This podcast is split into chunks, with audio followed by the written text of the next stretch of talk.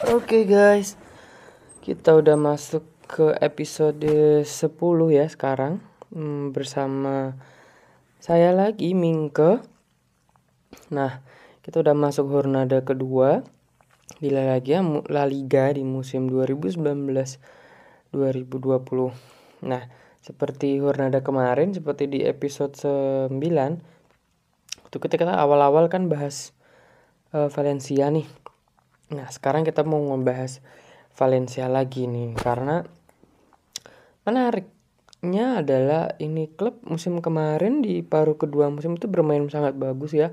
Dia pelan-pelan hampir tanpa terlihat itu berhasil menyalip Getafe sampai dapat tempat uh, di Liga Champion di peringkat 4 La Liga itu di penghujung di di Hornada terakhir lah itu walaupun ya kemenangannya waktu itu agak kontroversial karena lawannya Valladolid kalau nggak salah itu uh, dianggap kayak bermain dengan dia tidak serius gitu membuang membuang uh, laga gitu. Nah tapi waktu itu memang Valencia bermain sangat bagus di paruh kedua musim. Karena di paruh pertama posisi mereka itu sangat dekat dengan degradasi dan mereka dengan sabar tidak mengganti tidak memecat Marcelino Garcia Toral mempertahankannya dan hasilnya adalah mereka akan main di Liga Champions musim ini. Nah, tentu para Valencianistas berharap uh, klub akan melanjutkan tren akhir musim kemarin. Tapi kenyataannya uh, kemarin mereka membuang peluang untuk menang setelah Gameiro gagal penalti di menit 92 lalu dibalas uh, Real Sociedad dapat penalti di menit 98 dan berhasil dikonversi oleh Mikel Oyarzabal. Nah, kali ini mereka juga kalah. Mereka malah lebih buruk lagi. Mereka kalah dari Celta Vigo di kandang di kandang lawan gitu. Padahal Celta Vigo ini ya apa ya musim kemarin itu bermain uh, bermain buruk dan dia mengawali musim dengan kalah 1-3 dari Real Madrid. Tapi mereka berhasil uh, menang di kandang dengan skor 1-0 nah ini berkat pemain baru nih yaitu Denis Suarez. Nah dia berhasil menggocek bola di, di kotak penalti mengecek beberapa back Valencia lalu memberi umpan ke Gabriel Fernandes dengan sontakan tupitnya berhasil uh, menaklukkan Silasen. Nah sayangnya gol itu sampai pertandingan berakhir tuh uh, tidak berhasil dibalas uh, oleh Valencia. Jangankan jangankan mau menang ya membalas satu gol aja uh, dia kesusahan. Sebenarnya kemarin permain Valencia aja memang nggak nggak nggak jelek-jelek banget. Cuman ya sama sekali tidak menunjukkan level mereka uh, di Liga Champion. Nah, tapi kita nggak tahu gimana ya nanti di Liga Champion apakah mereka akan bermain ya tetap bermain buruk. Seperti musim kemarin juga di awal musim bermain buruk. Nah tapi nah, kita lihat nanti Liga Champions yang yang lebih keras. Sekali bermain buruk nah, ya bisa-bisa cuman turun ke Liga Eropa atau malah sama sekali tidak dapat tiket karena jadi dikunjungi juru kunci grup gitu. Kalau saya pribadi sih pengen Valencia apa ya berprestasi gitu di di Liga Champion gitu. Agak kangen juga ngelihat Valencia main di final gitu. Itu itu ditangani Hector Cooper ya kalau nggak salah. Sayangnya kalah dari Real Madrid. Nah ini kita tunggu apakah uh, Valencia akan bermain lebih baik di Hornada ketiga waktu melawan mereka lawan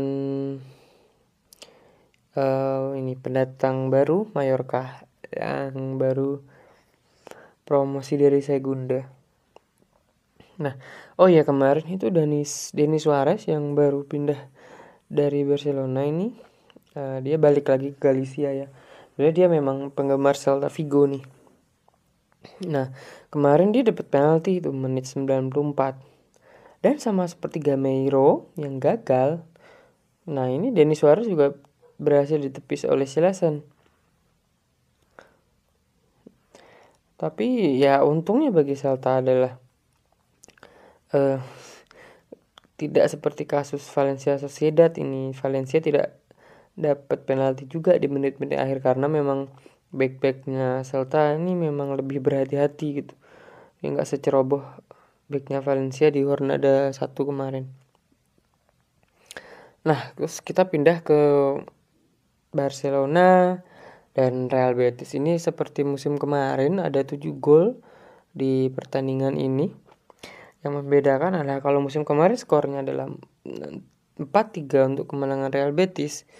Nah, sekarang skornya 5-2 untuk kemenangan Barcelona.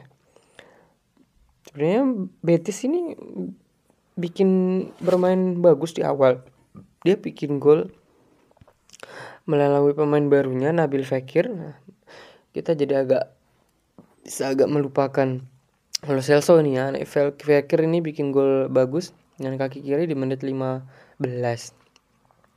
nah tapi sayangnya setelah itu malah justru uh, mengendor mereka sampai golnya itu dibalas uh, Griezmann yang ini memang bagus ya hasil umpan Sergio Roberto langsung disambar dengan tendangan setengah salto masuk ke gawang uh, Dani Martin kiper baru dan masih muda ini.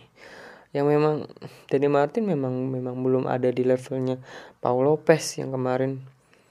Ya nggak bagus bagus banget cuman memang ya dia pemain tetap kiper yang bagus walaupun tidak sebagus dua musim kemarin penampilannya cuman tetap levelnya Paul Lopez ada di atas Dani Martin Nah Griezmann ini nggak cuma bikin satu gol, dia bikin dua gol. Dan ah, selebrasinya pemain satu ini tuh memang unik-unik ya. Kalau kemarin dia kayak joget-joget Fortnite, nah kemarin dia ngambil konfeti di pinggir lapangan terus dihambur-hambur. Nah ini nggak tahu ide dari mana nih. Kita lihat apakah di Hornada berikutnya nih uh, Griezmann akan bikin eh uh, selebrasi yang aneh-aneh. Mungkin nanti akan bawa apa tuh namanya topeng Spiderman tuh kayak Carrasco atau bahkan topeng pahlawan bertopeng kayak Shinchan nah ya nggak tahu nah suka-suka Griezmann nanti. Nah nah ini yang disukai banyak fans Barcelona gitu karena uh, Charles Perez ini uh, bermain dan bikin gol. Jadi dia dimainkan saja sudah menunjukkan suatu positif hal positif tapi dia juga dia bikin gol yang bagus golnya itu. Hasil dari kerja sama dengan uh, kemarin siapa? Sergio Roberto. Nah cuman setelah itu cuman kita belum bisa belum melihat ini ya alinya dan uh, Ricky Puig. Nah ini bener gak sih Ricky Puig ini? Tolong dikoreksi. Yang saya belum diangkat. Cuman kemarin kita berhasil melihat debut dari Ansu Fati, Ansu Mane Fati ini baru berumur 16 tahun, 9 bulan dan 25 hari. Uh, kalau nggak salah ini lebih muda dari waktu uh, Borjan Krekik melakukan mendapatkan debutnya di tim utama ya walaupun Borjan ini nasibnya tidak sebagus ya lulusan-lulusan lama Masia lainnya ya seperti ya tentu saja Messi lah kita sebut saja. Nah yang menarik dari Ansu Fati ini dia tuh kemarin karena dia masih berumur 16 tahun jadi karena terus pertandingannya itu malam kan jam 9 malam waktu waktu Spanyol. Jadi dia dia tuh harus dapat iz Barcelona tuh harus dapat izin dari orang tuanya untuk bisa memainkan Ansu Fati nih. Ya yang pasti orang tuanya bilang iya kan kan nggak mungkin. Masa mana ada orang tua yang diminta izin anaknya buat uh, debut di Barcelona. Terus orang tuanya bilang jangan ini udah waktunya Ansu Fati tidur. Kan kalau ada itu kan jadi orang tua yang ya yang paling unik di dunia ya sepertinya. Kalau ada orang tuanya seperti itu. Wah Ansu Fati kemarin juga bermain lumayan dan hampir mencetak gol ya. Dia melepaskan tembakan dari sisi kanan yang tipis saja mungkin sekitar ya 20 cm ya dari Mister Gawang. Tapi memang kalau berdasarkan pengamatan beberapa beberapa pandit sepak bola di sana memang Ansu Fati ya seperti tipikal penyerang ya dia suka syuting syuting syuting syuting ya insting mengumpannya memang belum sebagus ya tentu saja belum sebagus Messi ya. Kalau Messi ini kan tahu kapan umpan tahu kapan dia syuting kapan dribble gitu. Kapan menipu kiper kapan langsung tembak ini mah Ansu Fati memang belum di level itu ya karena dia masih umur 16 tahun masih banyak waktu untuk berkembang. Nah sama kemarin di Barcelona ini sepertinya Jordi Alba masih akan terus bermain karena dia kemarin ikut bikin gol di menit 60 seperti Junior Firpo ya yang dibeli dari Real Betis masih butuh banyak usaha untuk bisa bisa me melengsarkan Jordi Alba ya dari posisi back kiri. Meskipun sebetulnya ya Junior Firpo ini musim kemarin dia bikin gol waktu Betis menang 4-3 itu tadi lawan uh, Barcelona. Ya, saya sendiri harus bilang saya sangat suka jun permainan Junior Firpo ini. Saya yakin dalam 2-3 tahun kemudian uh, dia akan bisa tembus ke tim Nas Spanyol dan jadi back kiri langganan timnas. Dan bikin mungkin salah satu back kiri terbaik di Spanyol nanti atau bahkan di Eropa dan bahkan dunia. Kemudian Anto Griezmann ini selain bikin gol dia juga bikin assist untuk Alex Vidal. Arturo kok Alex loh. Arturo Vidal di menit 77. Jadi ini Griezmann debut di Camp Nou, dia bikin dua gol dan satu assist. Dan sepertinya ini akan mengurangi ketergantungan Barcelona terhadap Lionel Messi dan dan Luis Suarez juga. Siapa lagi? Usman Dembele yang lagi-lagi cedera. Hmm, cedera terus ya kasihan. Oke terakhir kita mau bahas soal Atleti yang lagi-lagi menang dengan skor langganan. Kayak sepertinya dia tuh udah bayar abonemen gitu buat menang dengan skor 1-0 ini menang dari Leganes. Kalau kalau dari kalau musim eh kok musim? Kalau Ronaldo kemarin Morata cetak gol di menit menit awal. Nah ini golnya Vitolo terjadi di menit-menit akhir. Di menit tepatnya di menit 8 di menit 71 gitu dia dapat assist dari Joe Felix yang merang yang menggiring bola dari sisi kanan. Setelah dapat umpan dari Kieran Trippier.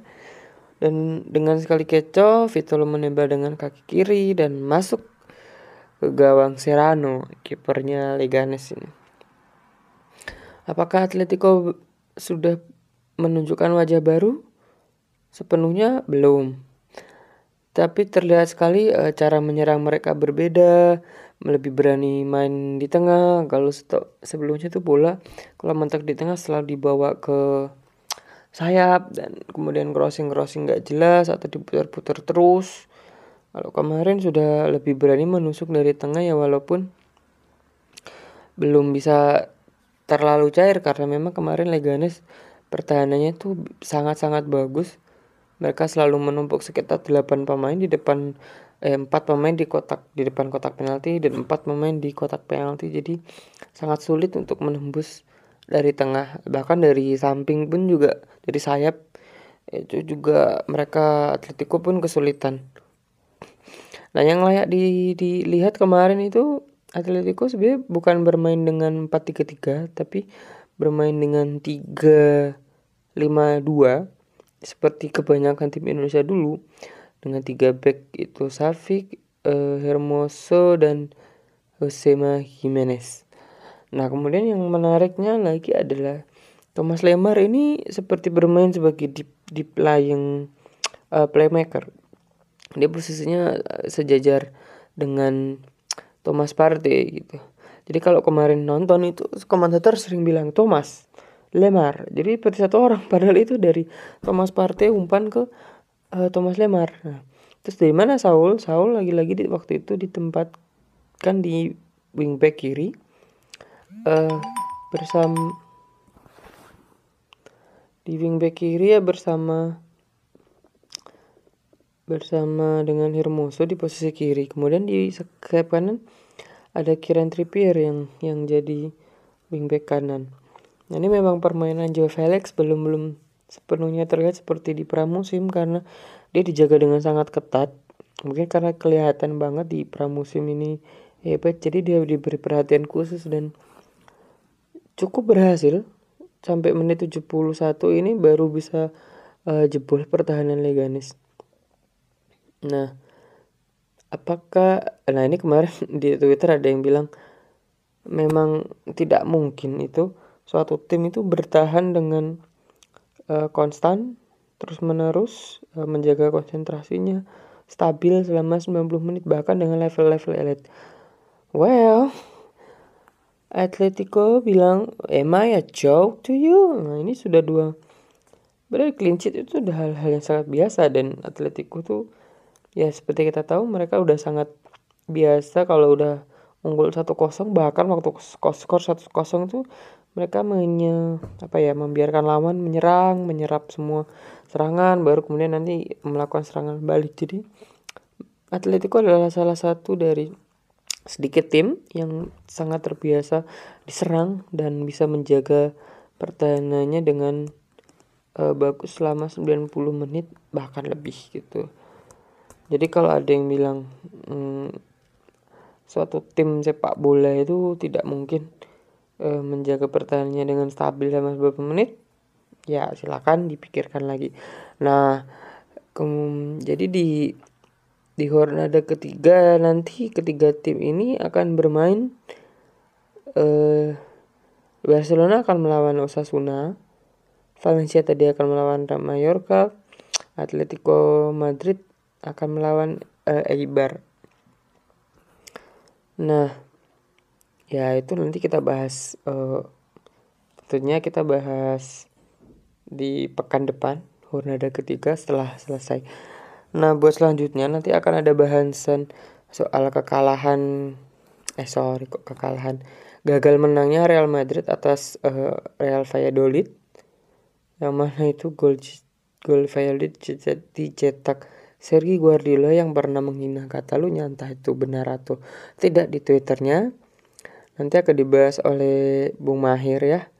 Nah scan dulu dengan Minke. Nah selanjutnya akan dibahas oleh Bung Mahir. Silakan.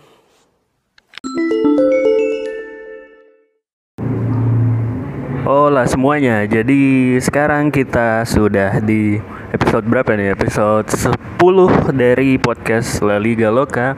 Dan uh, sekarang ini kita mau membahas sesuatu yang um, agak serius Tapi saya tidak akan sendiri, saya akan membahas dengan salah satu pakar apa nih sports business yang kita sering lihat woro-woro di Twitter. Teman saya juga yaitu uh, Aditya Nugroho. Bener kan? Namanya yeah. Aditya Nugroho. Tapi di Twitter dikenal dengan Adi Cengko apa kabar Mas Adit? Uh, halo bro. Apa kabar? Thank you udah ngundang. Uh, sebenarnya kalau untuk bahasan Liga Spanyol gue juga apa ya masih ngikutin sih masih ngikutin cuman mungkin yang topik-topik populernya aja sih Oke sip. Nah mungkin mumpung masih anget nih ya, karena di laga opening La Liga 2019-2020 itu salah satu yang paling menggemparkan yang terjadi itu Atletic Bilbao. Sebenarnya kalau kita bilang Atletic Bilbao orang Bilbao marah nih karena nama klubnya bukan Atletic Bilbao sebenarnya kan Atletic Club. Tapi buat orang-orang umum sama juga kalau orang Inggris nyebut Camp Nou nyebutnya Nou Camp kan ya udah kita sebut aja Athletic Bilbao ya.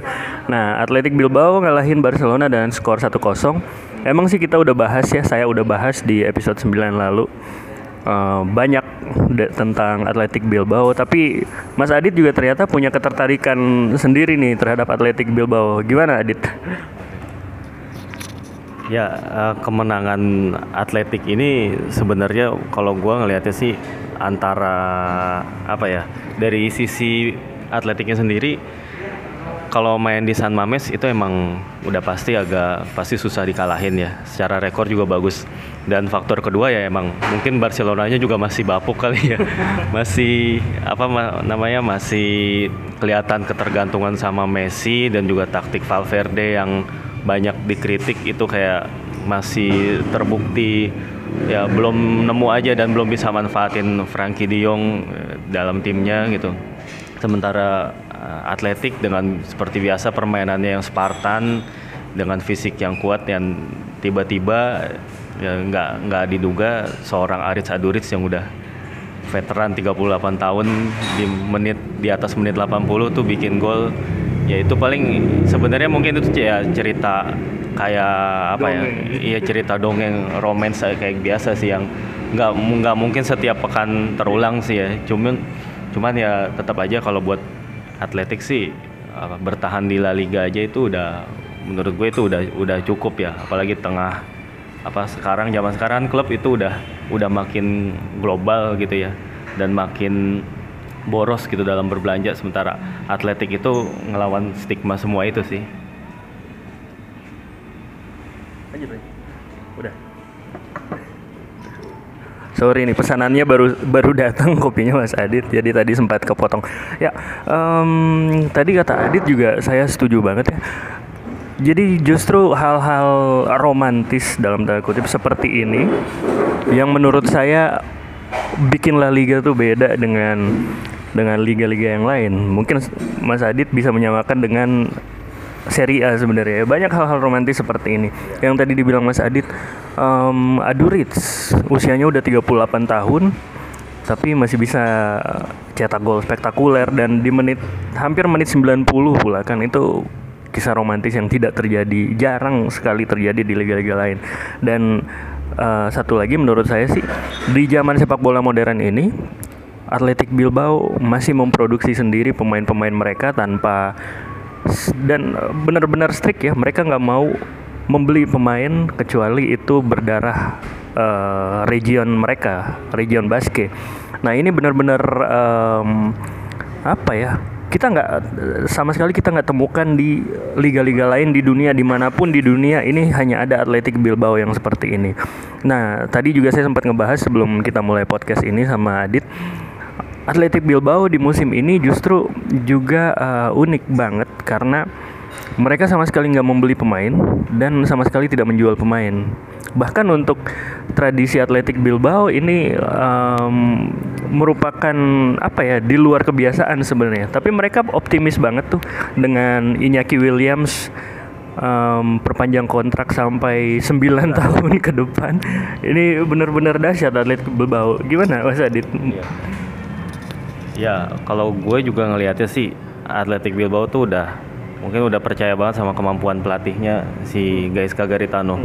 Soalnya kan si Garitano tuh musim lalu benar-benar ngebawa Atletik ini bangkit dari kehancuran ya, kayak hampir udah sempet masuk kalau nggak salah sih di papan bawah hampir zona degradasi waktu masih di tangan si Eduardo Berizzo. Cuma terus pas Garitano masuk itu langsung benar-benar kayak turn around langsung bahkan kalau mereka nggak kalah dari Hetafe pas uh, pekan-pekan terakhir tuh mereka bisa lolos ke ke Liga Eropa gitu. Itu bahkan kalau dari Sevilla. iya. iya ha, iya. Kalau apa namanya kalau sampai lolos ke Liga Eropa itu udah luar biasa banget. Tapi paling enggak ya dengan menduduki papan tengah itu ya dengan apa dengan catatan kemenangan yang juga bagus itu uh, manajemen ya percaya bahwa si Garitano ini walaupun dengan komposisi pemain yang sekarang apalagi mereka berhasil mempertahankan Inaki Williams dengan perpanjangan kontrak. Gue juga belum pernah dengar ada yang pemain yang kontrak 9 tahun nggak tahu ya. Itu itu sih ngebuktiin bahwa uh, apalagi dengan regenerasi yang nggak habis-habis. Ku- kurang lebih gue tadi sempat baca uh, untuk akademi Lezama itu paling enggak untuk pemain yang usia-usia 9-10 tahun itu mereka dalam setahun bisa um, apa namanya bisa melatih sampai 1000 sampai 1500 anak itu ya bisa kebayang itu stok pemain yang ada tuh nggak habis-habis yang yang mana mereka kemudian percaya bahwa kebijakan transfer mereka yang hanya memperbolehkan pemain asal atau keturunan Bask ini bisa mereka pakai terus gitu. Uh, walaupun ya yang tadi di tengah dari ya, sepak bola modern dan global itu mereka akan tetap bisa bertahan. Iya dan mm, menyinggung lagi tentang uh, atletik di awal musim 2019-2020 ini mereka sama sekali nggak menjual pemain dan tidak membeli pemain. Padahal kalau kita lihat kan kompetisi La Liga tuh makin ketat ya. Ada belum lagi uh, menggoyang tiga besar Atletik eh Atletico Madrid, Barcelona dan Real Madrid itu susah. Atletik masih harus bersaing dengan kayak kayak Sevilla, Real Betis, bahkan uh, rival seregion mereka Real Sociedad itu kan susah ya ketat. Tapi mereka percaya diri aja. Tapi kalau menurut saya sih mereka memang di dua musim terakhir kan mereka lumayan royal tuh. Mereka ngabisin kalau nggak salah hampir 30 juta euro untuk membeli um, Inigo Martinez um, dari rival seregion mereka itu Real Sociedad. Ini kalau kalau Inigo datang ke Sociedad itu udah dianggap Judas ya kayak Luis Figo. Dan mereka juga berhasil mendatangkan Yuri Berchiche yang dari Paris Saint-Germain. Itu berapa ya? Pokoknya ngedatangin dua pemain itu habis dua habis 20 eh, sorry sorry 50 juta euro aja gitu. Tapi ternyata di akhir musim kemarin mereka gagal masuk ke kompetisi Eropa. Jadi mungkin itu merupakan apa ya counter strategi aja di bursa transfer mereka sekarang. Nah, oke, okay, uh, eh, mungkin kita uh, setelah ini akan lanjut dengan aspek bisnis klub-klub La Liga. Nah, di sini di aspek bisnis klub-klub La Liga ini juga kita menarik nih membahas bagaimana si Athletic Bilbao sebenarnya jadi antitesis di tengah-tengah sepak bola modern. Ya, tapi kita break dulu. Baru kita sambung dengan sesi selanjutnya. Oke, balik lagi bersama podcast La Liga Loka. Nah, mumpung di sini nih ada Mas Adit yang um, interestnya memang lebih ke sports bisnisnya atau sisi finansial dari sports bisnis itu sendiri. Nah, kita mending ngebahas tentang sisi bisnis atau sisi finansial dari La Liga. Tadi saya hubungkan juga ya dengan Athletic Bilbao. Nah, atletik ini kalau kita lihat mungkin kita orang-orang yang nggak pah, terlalu paham nih tentang atletik, mungkin mengira atletik tuh klub mediocre bahkan cenderung miskin ya, karena mereka nggak mereka um, apa namanya nggak tahu duitnya itu sebenarnya dari mana. Tapi tadi saya sempat ngobrolin sama Adit, jadi salah satu klub di La Liga yang menjalankan bisnisnya dengan sistem sosios atau apa ya kalau di Indonesia kayak koperasi gitu kali ya itu kan salah satunya adalah Atletik selain Barcelona Real Madrid dan Osasuna gitu. Dan Atletik di region um, apa namanya region Basque itu terbesar bahkan lebih besar dari rival seregion mereka Alaves dan uh, Real Sociedad. Apalagi Eibar yang sebenarnya kecil banget kan Eibar itu. Nah saya juga baru lihat kemarin ada data yang baru dirilis. Tiket penjualan tiket terusan yang terbanyak di Spanyol untuk awal musim 2019-2020 ini Atletik tuh di peringkat keempat atau kelima kalau nggak salah gitu dengan di angka 40-an ribu Sedangkan kapasitas stadion mereka San Mames itu memang 50 ribu. Jadi eh, berapa tuh? Uh, ya 4 per 5 dari kapasitas itu memang sudah sudah dipegang oleh pemeg uh, apa namanya pembeli tiket terusan ya, member gitu. Dan kemudian um, Atletik Bilbao sendiri kita kayaknya harus konsisten Atletik atau Atletik Bilbao. Atletik sebenarnya um, dalam hal pembagian hak siar televisi ini kan sempat big issue ya beberapa tahun yang lalu itu sebenarnya nggak kalah jauh juga sekarang pendapatan mereka dari hak siar TV nggak kalah jauh dari Real Madrid, Barcelona dan Atletico Madrid.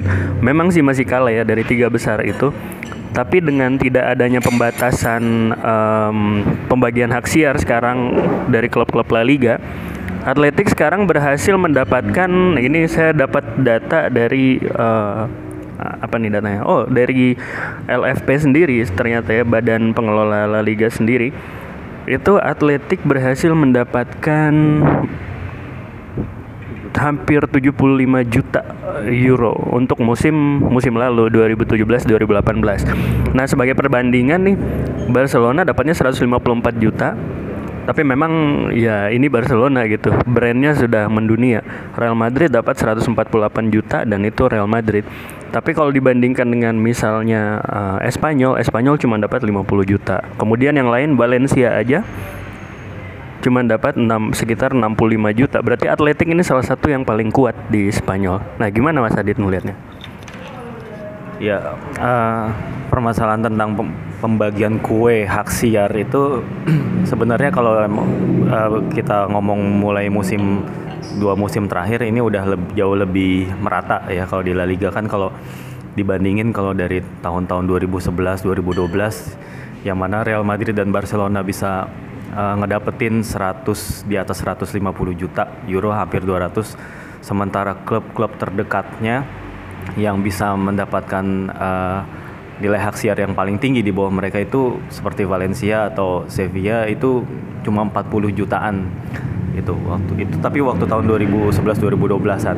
Tapi kalau sekarang itu udah pembagian juga udah jauh lebih fair, lebih enggak dibilang merata juga enggak sih, tapi tapi paling enggak udah jauh lebih baik daripada ya sekitar hampir satu satu dekade lalu lah.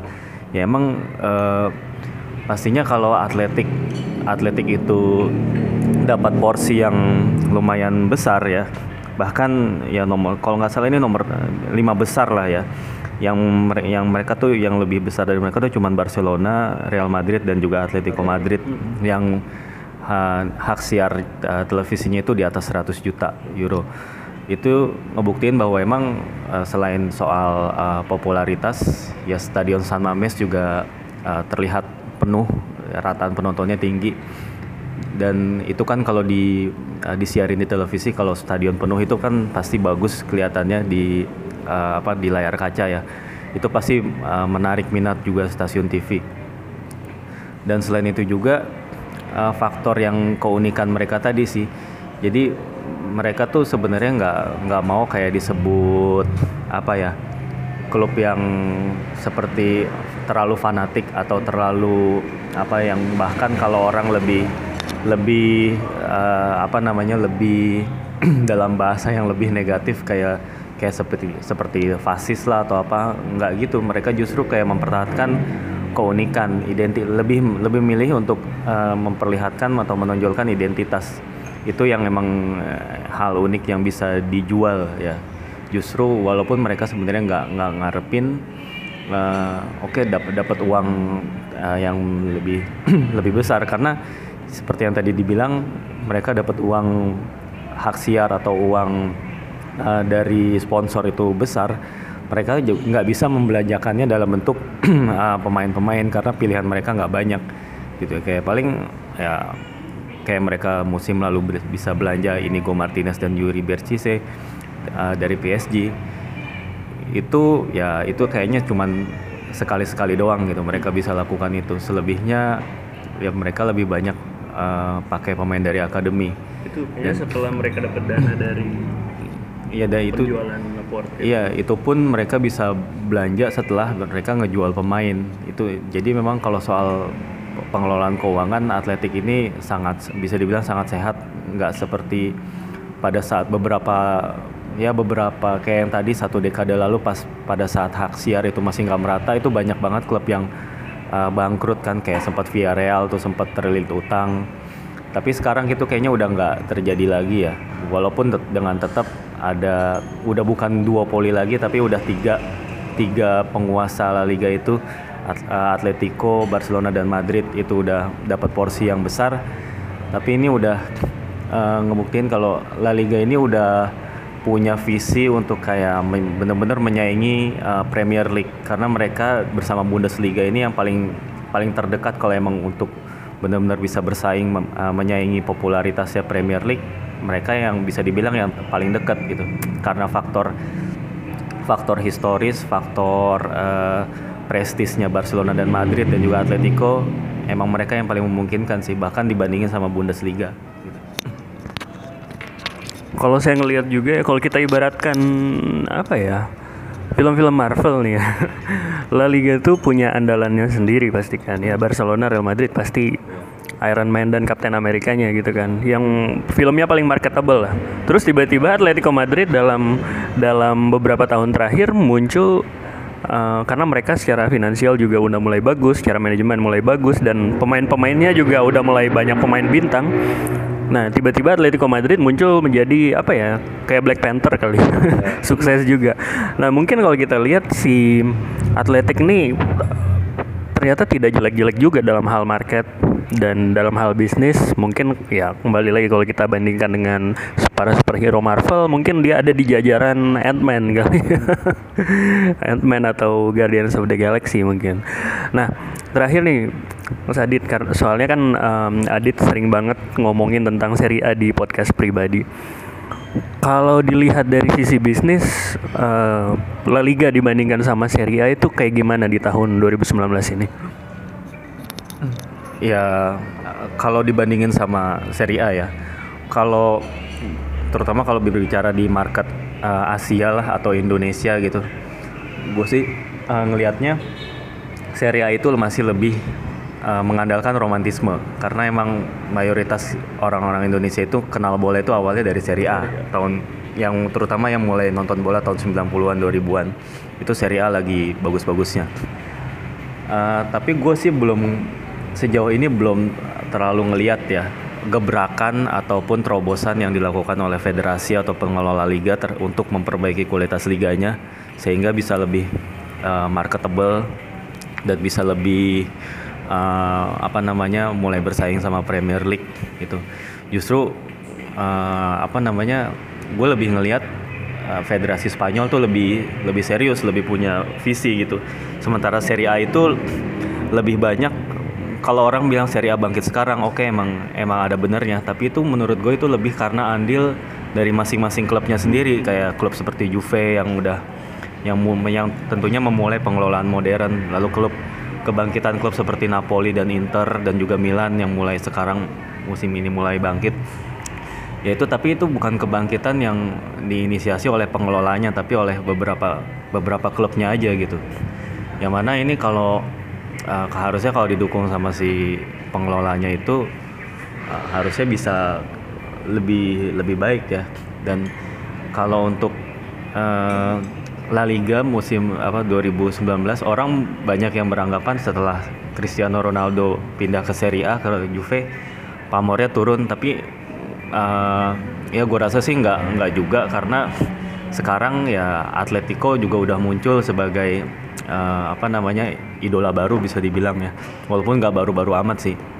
Tapi dengan dengan mereka bisa berani ngeluarin uang segitu banyak 120 juta euro untuk seorang Joao Felix itu kayak kayak semacam statement dari mereka gitu hmm. bahwa ini mereka ini udah benar-benar berdiri sejajar sama Barcelona dan Madrid dan dan secara market pun juga mereka udah ada effortnya kayak tim La Liga itu kalau nggak salah ada bikin kayak La Liga Global Network itu kan untuk mempopulerkan La Liga tuh ke seluruh dunia ya itu bahkan mereka udah La Liga Indonesia juga udah mulai aktif ya untuk apa namanya nyebarin informasi-informasi.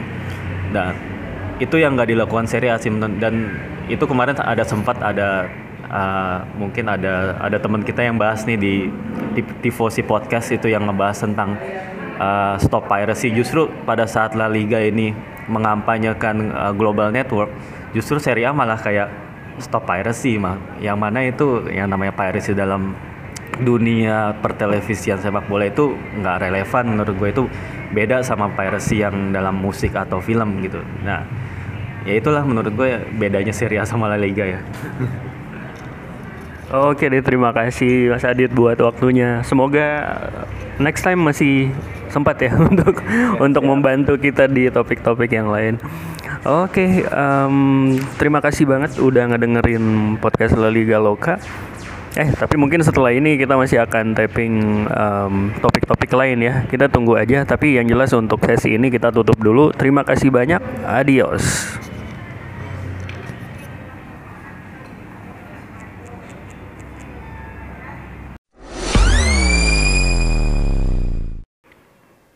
Hola, buenos días, buenas tardes, dan buenas noches buat teman-teman sekalian yang masih setia dengerin podcast kecil-kecilan kami yaitu La Liga Loka. Dan dengan bangganya kami um, sudah mempersembahkan tuh tadi ada bintang tamu yang bersedia mengisi podcast kami ya yaitu Bung Adit Chenko. Terima kasih banyak Bung Adit.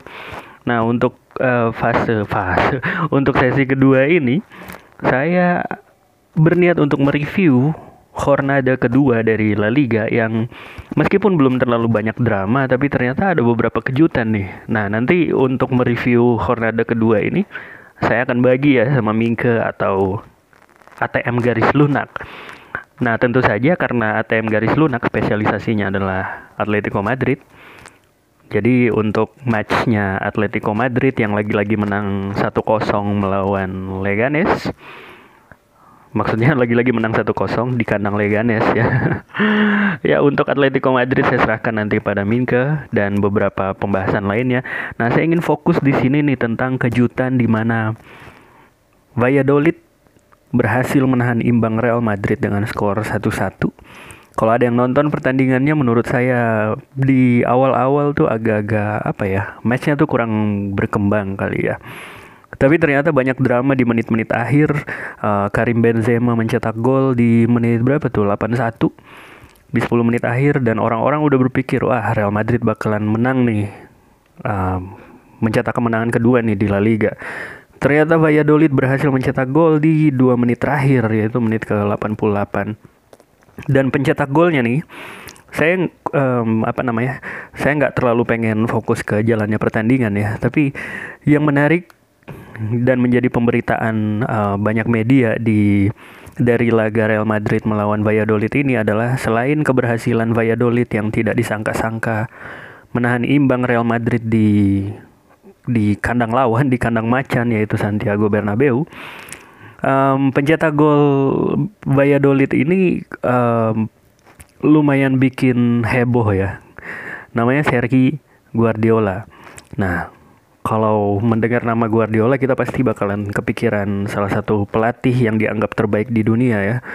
Jadi mantan pelatih Barcelona yang um, berapa tuh dua kali dia mencetak treble di tahun 2009 dan 2011 dan sekarang menangani Manchester City. Tapi Guardiola yang ini gak ada hubungannya sama Josep atau Pep. Tapi Sergi Guardiola ini dia um, dia sebenarnya bukan orang Katalan ya kalau kita lihat profilnya dia orang Kepulauan Baleares di sekitar Mallorca dan sekitarnya itu tapi um, ya ini sedikit apa ya sedikit info trivia uh, geografi Spanyol aja kali ya. Jadi kalau di daerah Baleares itu Mallorca dan sekitarnya mereka tuh masih campuran antara Katalan dan Spanyol dan bahasanya pun masih memakai bahasa Katalan tapi orang-orangnya uh, mereka lebih kalau nggak salah nih mereka lebih pro ke kerajaan Spanyol. Nah, Sergi Guardiola ini mereka eh mereka Sergi Guardiola ini sempat bikin heboh karena tahun 2015 lalu atau 2016 saya lupa. Dia tuh udah neken kontrak sama Barcelona B. Jadi pada saat itu kan Barcelona B um, untuk saya lupa waktu itu Barcelona B kalau nggak salah masih main di Segunda Division tapi kemudian Barcelona B um, mengambil kebijakan untuk membeli pemain dari klub-klub lain. Salah satunya adalah Sergio Guardiola untuk memperkuat lini depannya mereka. Tapi kemudian hanya beberapa jam setelah tanda tangan kontrak Guardiola ini dipecat oleh Barcelona. Kenapa? Karena ternyata ketahuan tahun 2013 atau tiga tahun sebelumnya dia pernah nge-tweet bahwa puta Katalunya itu parah banget sih ya. Jadi ternyata ketahuan bahwa dia itu fans Real Madrid. Jadi dia nge-tweet dulu ala Madrid. Kemudian dia bilang puta Katalunya wah itu parah banget sih emang. Itu sebuah insult buat Katalunya dan akhirnya um, karena pressure dari dari publik Barcelona akhirnya dia dilepas. Dan kalau nggak salah Guardiola Sergi Guardiola maksudnya dia tuh sempat sempat melanjutkan karir di Liga Australia di Adelaide Adelaide United. Kalau ada yang tahu Adelaide United itu mantan klubnya mantan striker Persib Bandung ya yaitu Sergio Van Van Dijk. Van Dijk atau Van Dijk Van Dijk ya kalau orang Belanda dan Marcos Flores pemain Persib Bandung juga pernah main di Adelaide United tapi nggak lama setelah itu uh, Guardiola akhirnya balik lagi ke Spanyol um, bermain untuk beberapa klub mediocre seperti Granada, Cordoba dan kemudian akhirnya dia masuk ke Valladolid. Nah di Valladolid ini serunya jadi dia mencetak gol penting di kandang Real Madrid ke gawang klub favorit dia. Dan um, dari sini nih uh, orang baru sadar bahwa oh ternyata Sergio Guardiola ini lumayan juga ya penampilannya. Dan udah mulai banyak um, apa namanya? Udah mulai banyak rumor bahwa Guardiola Sergi Guardiola, aduh sebelum kita ketukar ya, jadi Sergi Guardiola. Um, kalau kita lihat di separuh musim 2018-2019 musim lalu, dia tuh statistiknya lumayan bagus sih dia ngegolin lumayan meskipun nggak banyak banyak amat dia tuh ngegolin berapa ya musim lalu ya? Pokoknya dia uh, sangat berkontribusi untuk lolosnya Valladolid dari jurang degradasi dan sekarang dengan dia, oh ya, dia di Hornada pertama lalu dia udah ngegolin juga loh pada saat uh, Valladolid tuh menang mengejutkan juga. So, maksudnya um, men mencetak hasil mengejutkan juga yaitu di kandang Real Betis. Nah, Guardiola mencetak gol pertama, Sergi Guardiola tentu saja. Dan kemudian sekarang dia ngegolin lagi, berarti di dua pertandingan terakhir dia dua pertandingan berturut-turut dia mencetak gol. Nah mulai banyak nih um, rumor bahwa bentar lagi dia akan dipanggil tim nasional Spanyol. Kalau itu terjadi seru banget ya. Jadi kisah Cinderella story seperti ini tentang pemain yang tadinya uh, terombang ambing kemudian sempat terjatuh ke klub-klub tidak terkenal bahkan sampai ke Australia. Tapi kemudian dia berhasil uh, apa namanya berhasil unjuk gigi lagi di La Liga kemudian akhirnya jadi pemberitaan. Dan nanti kalau masuk ke tim nasional itu sering banget di Spanyol. Kalau di Inggris mungkin jarang-jarang ya mungkin Jamie Vardy atau kemudian di Jerman ada siapa ya yang kayak gitu uh, yang sebelumnya main di klub amatir dan kemudian uh, menembus tim profesional yang bagus itu saya lupa. Pokoknya intinya di Spanyol ini sering banget terjadi seperti ini. Di musim lalu ada um, ada duet striker Hetafe yaitu Molina dan Jaime Mata. Mereka itu sama juga mereka sebelumnya di klub-klub kecil mereka sebenarnya biasa aja tapi kemudian di Hetafe mereka jadi duet maut dan akhirnya Mata sudah masuk ke tim nasional. Nah, kita tunggu saja apakah Guardiola berhasil menembus tim nasional Spanyol juga. Nah, kita beralih dari hasil mengejutkan di kandang Real Madrid itu dan ada hasil um, sebenarnya nggak terlalu mengejutkan sih, cuman cuman apa ya mengecewakan sih buat saya karena saya di musim ini saya tertarik banget menyaksikan kiprah dari Mallorca tapi ternyata mereka tidak sanggup meneruskan catatan bagus dari Hornada pertama. Hornada pertama Mallorca menang lawan Eibar 2-1. Nah di Hornada kedua ini ternyata mereka takluk di kandang sendiri dari Real Sociedad. Nah yang jadi bahan pembicaraan menarik nih dari laga Mallorca melawan Sociedad adalah pencetak gol tunggal Sociedad itu adalah nama yang tidak asing lagi bagi bagi penggemar sepak bola Eropa pada umumnya yaitu Martin Odegaard. Nah, kalau ada yang uh, apa namanya berpikir bahwa siapa sih Odegaard? Kayaknya familiar nih namanya, yaitu mantan wonderkid dari Real Madrid yang sampai sekarang belum sukses menembus tim utama Real Madrid. Tapi sekarang dia uh, memperkuat Real Sociedad di usianya yang masih 20 tahun.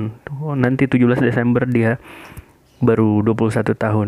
Dia sekarang mengalami masa peminjaman ketiga ke Real Sociedad dan um, udah lumayan sih kalau menurut saya. Pas saya lihat highlightnya gol Odegaard itu lumayan berkelas ya. Dia dapat umpan kemudian dengan satu sentuhan dia ngeflick bolanya kemudian dia menceploskan bola ke gawang lawan. Itu finishing dari uh, Odegaard itu merupakan finishing khas pemain berkelas sih kalau menurut saya.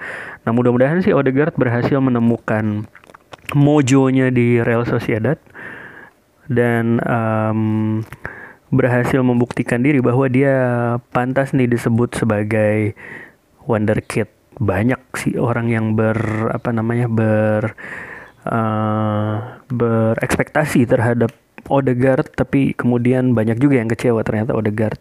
Ya cuman gini-gini aja. Tapi kita harus ingat bahwa usianya Odegaard sebenarnya masih 20 tahun, masih banyak ruang untuk berkembang nantinya. Nah balik lagi ke Real Sociedad, Real Sociedad musim ini jarang dibahas ya oleh media-media. Um, tapi menurut saya Real Sociedad musim ini adalah Real Sociedad paling menarik dalam mungkin tiga tahun terakhir. Karena Real Sociedad di musim ini um, mereka diperkuat beberapa wonderkid dan mantan wonderkid ya yang pertama tentu saya Odegaard, kemudian yang sempat bikin heboh tuh Sociedad berhasil membeli beli ya kalau nggak salah atau free transfer. Yang jelas bukan bukan status pinjaman uh, yaitu striker bernama Alexander Isak. Alexander Isak ini sempat digadang-gadang menjadi striker besar ketika memperkuat Borussia Dortmund, tapi kemudian uh, striker asal Swedia keturunan Afrika ini yaitu keturunan Eritrea ini ternyata uh, sekarang bermain di Real Sociedad dan oke okay, Real Sociedad bukan klub kecil untuk ukuran Liga Spanyol tapi juga bukan klub besar juga. Nah makanya orang um, kalau ngelihat wah sayang banget ya Alexander Isak cuman bermain di Real Sociedad. Tapi kalau menurut saya Real Sociedad di musim dua musim terakhir berhasil lumayan berhasil membangkitkan potensi dari salah satu wonderkid yang sempat digadang-gadang menjadi pemain kelas dunia yaitu wonderkid asal Belgia ex Manchester United bernama Adnan Yanuzai. Ya, Yanuzai di Real Sociedad memang jarang diperhatikan orang ya, tapi saya sendiri karena saya um, suka banget sama La Liga. Saya berapa kali lihat Yanuzai dan statistiknya lumayan keren sih sebenarnya. Dia sempat mencetak gol Lazo juga, gol indah saya lupa di musim lalu itu melawan siapa. Tapi Yanuzai keren banget sih sebenarnya di dua musim terakhir. Cuman sayang aja Real Sociedad um, di dua musim terakhir kurang kurang muncul ya kurang dan bahkan gagal uh, menembus salah satu kompetisi um, antar klub Eropa gitu. Selain Yanuzai, Alexander Isak dan uh, siapa tadi? Odegaard, Martin Odegaard ada juga ex wonderkid ada nggak sih istilah ex wonderkid tapi uh, Diego Llorente Diego Llorente ini kalau fans Real Madrid pasti nggak asing lagi Llorente ini sempat digadang-gadang akan menjadi ya minimal penerusnya Sergio Ramos lah tapi ternyata um, Nasi berkata lain dia sempat dipinjamin ke Rayo Vallecano sama Malaga kalau nggak salah tapi kemudian sekarang di Real Sociedad dia menjadi pilihan utama Nah, kalau menurut saya sih ya Real Sociedad memang surga ya bagi para ex wonderkid kecuali Isak dan Odegaard gitu. Mudah-mudahan mereka ya saya sih berharap mereka uh, bisa bisa menunjukkan potensi sebenarnya dan pindah ke klub yang lebih besar gitu nantinya. Nah, kita beralih lagi um, apa nih yang penting nih? Oh iya, ini ada salah satu um, hasil yang sebenarnya lumayan mengejutkan, tapi kemudian pemberitaan yang marak dari pertandingan ini bukan hasil akhirnya, tapi kontroversi yang ada di dalamnya. Jadi pertandingan di kandang Levante antara Levante melawan Villarreal ini sebenarnya derby ya, tapi derbynya bukan derby antar kota. Karena Levante dari kota Valencia dan Villarreal dari ya kota Villarreal tapi um, masih berada di region Valencia. Jadi Valencia itu selain nama kota dia nama region juga ya, setara negara bagian lah gitu kalau di Spanyol. Nah, uh, derby region Valencia ini berhas berakhir dengan kontroversial karena Levante menang 2-1.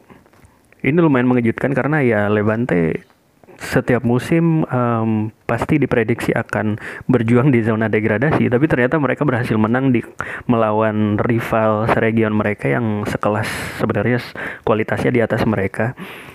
Tapi kemudian kontroversinya adalah Levante menang 2-1 dan dua-dua golnya adalah penalti. Tapi kemudian yang dipermasalahkan oleh pihak Villarreal adalah um, gol pertama, penalti pertama Levante itu uh, bikin mereka emosi karena sebenarnya pas penalti oh oke okay, pencetak gol pertamanya Levante adalah sorry dua dua golnya Levante yang dicetak oleh penalti um, dicetak oleh uh, Roger Marti ya uh, kapten sekaligus striker andalan dari Levante. Nah pada saat Roger sudah menendang penalti itu ternyata uh, kiper Villarreal Andres Fernandes itu udah berhasil menepis penalti dari dari Marti dari Roger Marti. Tapi ternyata setelah dicek lagi di VAR video asisten referee uh, penalti itu harus diulang karena ternyata Andres Fernandes kipernya Villarreal dianggap sudah melewati garis. Nah itu akhirnya penaltinya diulang Roger Marti ngambil penalti lagi dan penalti ulangannya itu ternyata gol gitu. Kemudian um, yang bikin si Andres Fernandes gondok adalah ternyata beberapa menit setelahnya dia mengganjal lagi pemain Levante di kotak penalti akhirnya dia dihukum penalti lagi dan Villarreal kalah dengan dua gol penalti dari Levante gitu. Tapi kemudian pihak Villarreal memprotes kepada pihak pelaksana liga. Ini apa-apaan sih? Kok uff, dengan VAR penaltinya harus diulangi padahal sebenarnya um, kipernya itu mereka merasa Andres Fernandes punya hak untuk meninggalkan garis gawang gitu. Tapi ini harus dibahas sih sama sama orang yang benar-benar ngerti regulasi FIFA ya. Tapi kalau saya nggak salah ingat, memang sih saya pernah baca bahwa di peraturan baru kiper tuh nggak boleh bergerak dulu, nggak boleh bergerak dari garis di bawah gawang gitu ya, garis gawang sorry. Nggak boleh bergerak dari garis gawang, tapi ternyata itu yang dilakukan oleh Andres Fernandes dan akhirnya ya penaltinya diulang. Pihak Villarreal protes, tapi ya gimana ya hasil akhir udah terjadi seperti itu mereka kalah dan sampai Hornada kedua ini Villarreal belum berhasil menang karena ya kita ingat di Hornada pertama lalu mereka ditahan imbang oleh Granada dengan skor fantastis 4 sama itu lumayan fantastis ya untuk um, suatu pertandingan yang ber ber berakhir imbang ya oke okay. uh, saya ingin ngebahas lagi satu pertandingan um, Meskipun sebenarnya pertandingan-pertandingan high profile tuh selain Real Madrid, Atletico Madrid, ada juga Barcelona. Barcelona menang 5-2 ya melawan Real Betis. Ya Real Betis gimana nih? Padahal banyak yang jagoin Real Betis. Tapi Nabil Fekir mencetak gol tuh saudara-saudara. Jadi ya gimana ya? Salah apa nih Real Betis? Karena Nabil Fekirnya udah nyetel tapi mereka kalah telak dari Barcelona. Tapi kita tinggalin ke Minka aja untuk ngebahas Barcelona. Saya ingin ngebahas satu lagi pertandingan yang lumayan um, apa namanya hasilnya lumayan menarik nih yaitu Sevilla. Sevilla menang lagi di kandang Granada. Kali ini di kandang Granada. Di Hornada pertama lalu Sevilla menang di kandang Espanyol. Nah um, saya nggak tahu nih siapa yang ngatur jadwal La Liga tapi Sevilla di dua laga awal mereka harus bermain tandang ya setelah Espanyol kemudian di Granada. Tapi ternyata Sevilla nggak masalah tuh. Sevilla nggak masalah dan sampai sekarang di dua pertandingan awal mereka mencetak dua kemenangan beruntun dan bahkan belum kebobolan sampai sekarang. Di kandang Granada um, Sevilla harus nunggu sampai menit ke 52 yang mencetak gol adalah mantan pemain Eibar musim lalu yang di, sempat diisukan akan diambil saya lupa siapa ya Arsenal atau Tottenham Hotspur pokoknya klub Liga Inggris lah. Nah uh, pemain ini bernama Joan Jordan. Dan Joan Jordan memang di Eibar saya ingat musim lalu itu sadis sih tendangan bebasnya itu benar-benar benar-benar parah. Dan Sevilla musim ini memang cenderung lebih stabil skuadnya. Mereka keren sih pemain-pemainnya meskipun ditinggal pemain-pemain andalan mereka seperti ya Gabriel Mercado udah pindah kemudian ada siapa lagi ah, bahkan back andalan mereka Simon Kjaer itu udah nggak dipercaya kalau nggak salah oleh um, oleh pelatih Sevilla sekarang yaitu Julian Lopetegui. Nah Lopetegui ingat kan jadi dia sempat Lopetegui ini sempat bikin kontroversi karena dia udah menangani Spanyol sampai tim nasional Spanyol sampai Piala Dunia 2018 tapi kemudian secara sembunyi-sembunyi dia menekan kontrak dengan Real Madrid untuk menangani Real Madrid di musim 2018-2019. Nah, Federasi Sepak Bola Spanyol nggak nggak terima, akhirnya dia dipecat hanya satu hari sebelum Piala Dunia dimulai.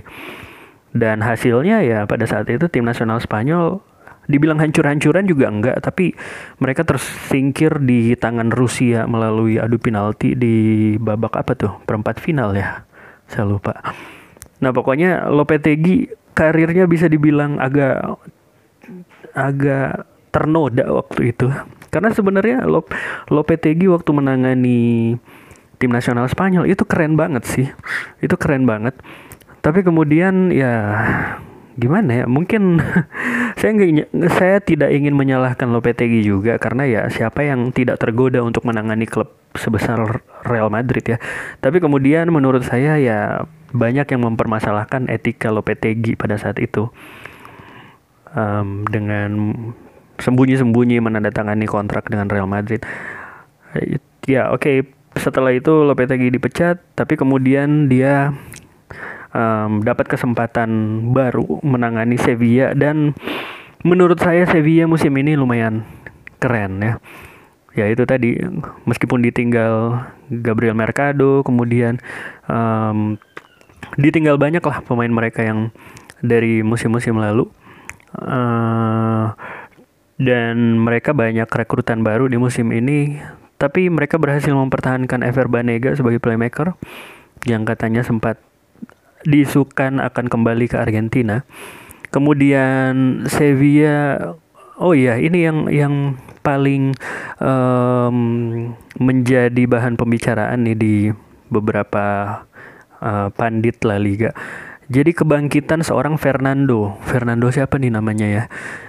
Oke, okay, ada yang ingat nggak Manchester City beberapa tahun yang lalu mereka memainkan di lini tengah itu mereka memainkan Fernando dan Fernandinho. Jadi sebenarnya ada dua Fernando, Fernando dan Fernandinho. Fernandinho kan maksudnya Fernando kecil ya kalau orang Brazil ya. Nah, tapi kemudian ternyata Fernandinho lebih dipercaya dan sekarang masih menjadi andalan um, Pep Guardiola di Manchester City.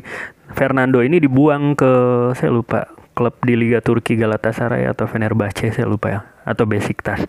Tapi kemudian di awal musim 2019-2020 Fernando dibeli oleh Sevilla dan sekarang menjadi salah satu um, tukang jagal di lini tengah Valencia, uh, sorry Valencia, salah satu tukang jagal di lini tengah Sevilla. Dan kalau dilihat sih memang permainan Fernando lumayan stabil di dua laga awal dari Sevilla. Dan um, yang menarik adalah Sevilla mengandalkan um, striker Belanda di lini depan yaitu Luke De Jong. Luke De Jong ini um,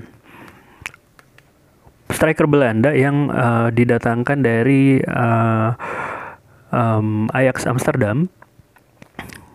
Sorry, PSV Eindhoven itu mah Frankie De Jong ya dari Ajax. Ya Luke De Jong ini di diangkut dari PSV Eindhoven di mana dia rekor golnya sebenarnya lumayan fantastis ya. Hampir 100 gol dalam lima tahun terakhir. Tapi kemudian di Sevilla ya memang sih dia dipercaya di dua pertandingan awal untuk menjadi ujung tombak, tapi dia belum mencetak gol. Tapi kalau dilihat sih penampilan De Jong di dua laga awal Sevilla itu lumayan lumayan mobile ya, lumayan keren. Tinggal tunggu waktu aja sampai dia berhasil mencetak gol. Tapi kemudian kalau kita lihat um, tiga gol dari Sevilla di dua laga awal itu ber apa namanya berasal dari tiga pemain berbeda yaitu di laga melawan Espanyol pada saat mereka menang 2-0 dicetak oleh Sergio Reguilon yang pinjaman dari Real Madrid dan Nolito pemain pemain veteran ya yang masih mencetak gol. Nah di laga melawan Granada yang cetak gol adalah Joan Jordan. Jadi kalau kita bisa simpulkan Sevilla di bawah asuhan Lopetegui ini lumayan stabil ya dan gol-gol bisa bisa mengalir dari dari lini mana aja. Jadi mereka nggak tergantung di satu striker aja. Ini benar-benar kontras dengan musim lalu di saat di saat Sevilla lumayan tergantung sama striker mereka yaitu Wissam Ben Yedder. Ben Yedder udah pindah ya. Jadi um, dibeli dengan harga lumayan mahal sebenarnya Ben Yedder tuh pindah ke mana ya? Ke Monaco kalau nggak salah. Ya Pokoknya Wissam Ben Yedder yang pernah bikin Manchester United menangis di dua musim lalu di Liga Champions um, memang sangat dicintai oleh publik Sevilla tapi kemudian ya dia ternyata lebih mencintai Liga Prancis dan dia sekarang udah pindah ke Monaco. Tapi kemudian fans Sevilla udah move on menurut saya. Saya juga tergabung di salah satu grup WhatsApp Indo Sevilla ya dan kalau saya lihat di situ sambutan teman-teman Indo Sevilla lumayan antusias nih karena Sevilla memang terlihat sangat fresh menghadapi musim 2019-2020 ini dan banyak juga yang memprediksi bahwa Sevilla akan menjadi um, calon peserta Liga Champions musim depan alias finish di empat besar ya kita tunggu aja ya Oke, itu aja uh, dari saya. Beberapa review pertandingan yang menurut saya lumayan menarik. Setelah ini akan dilanjutkan oleh Mingka. Silakan.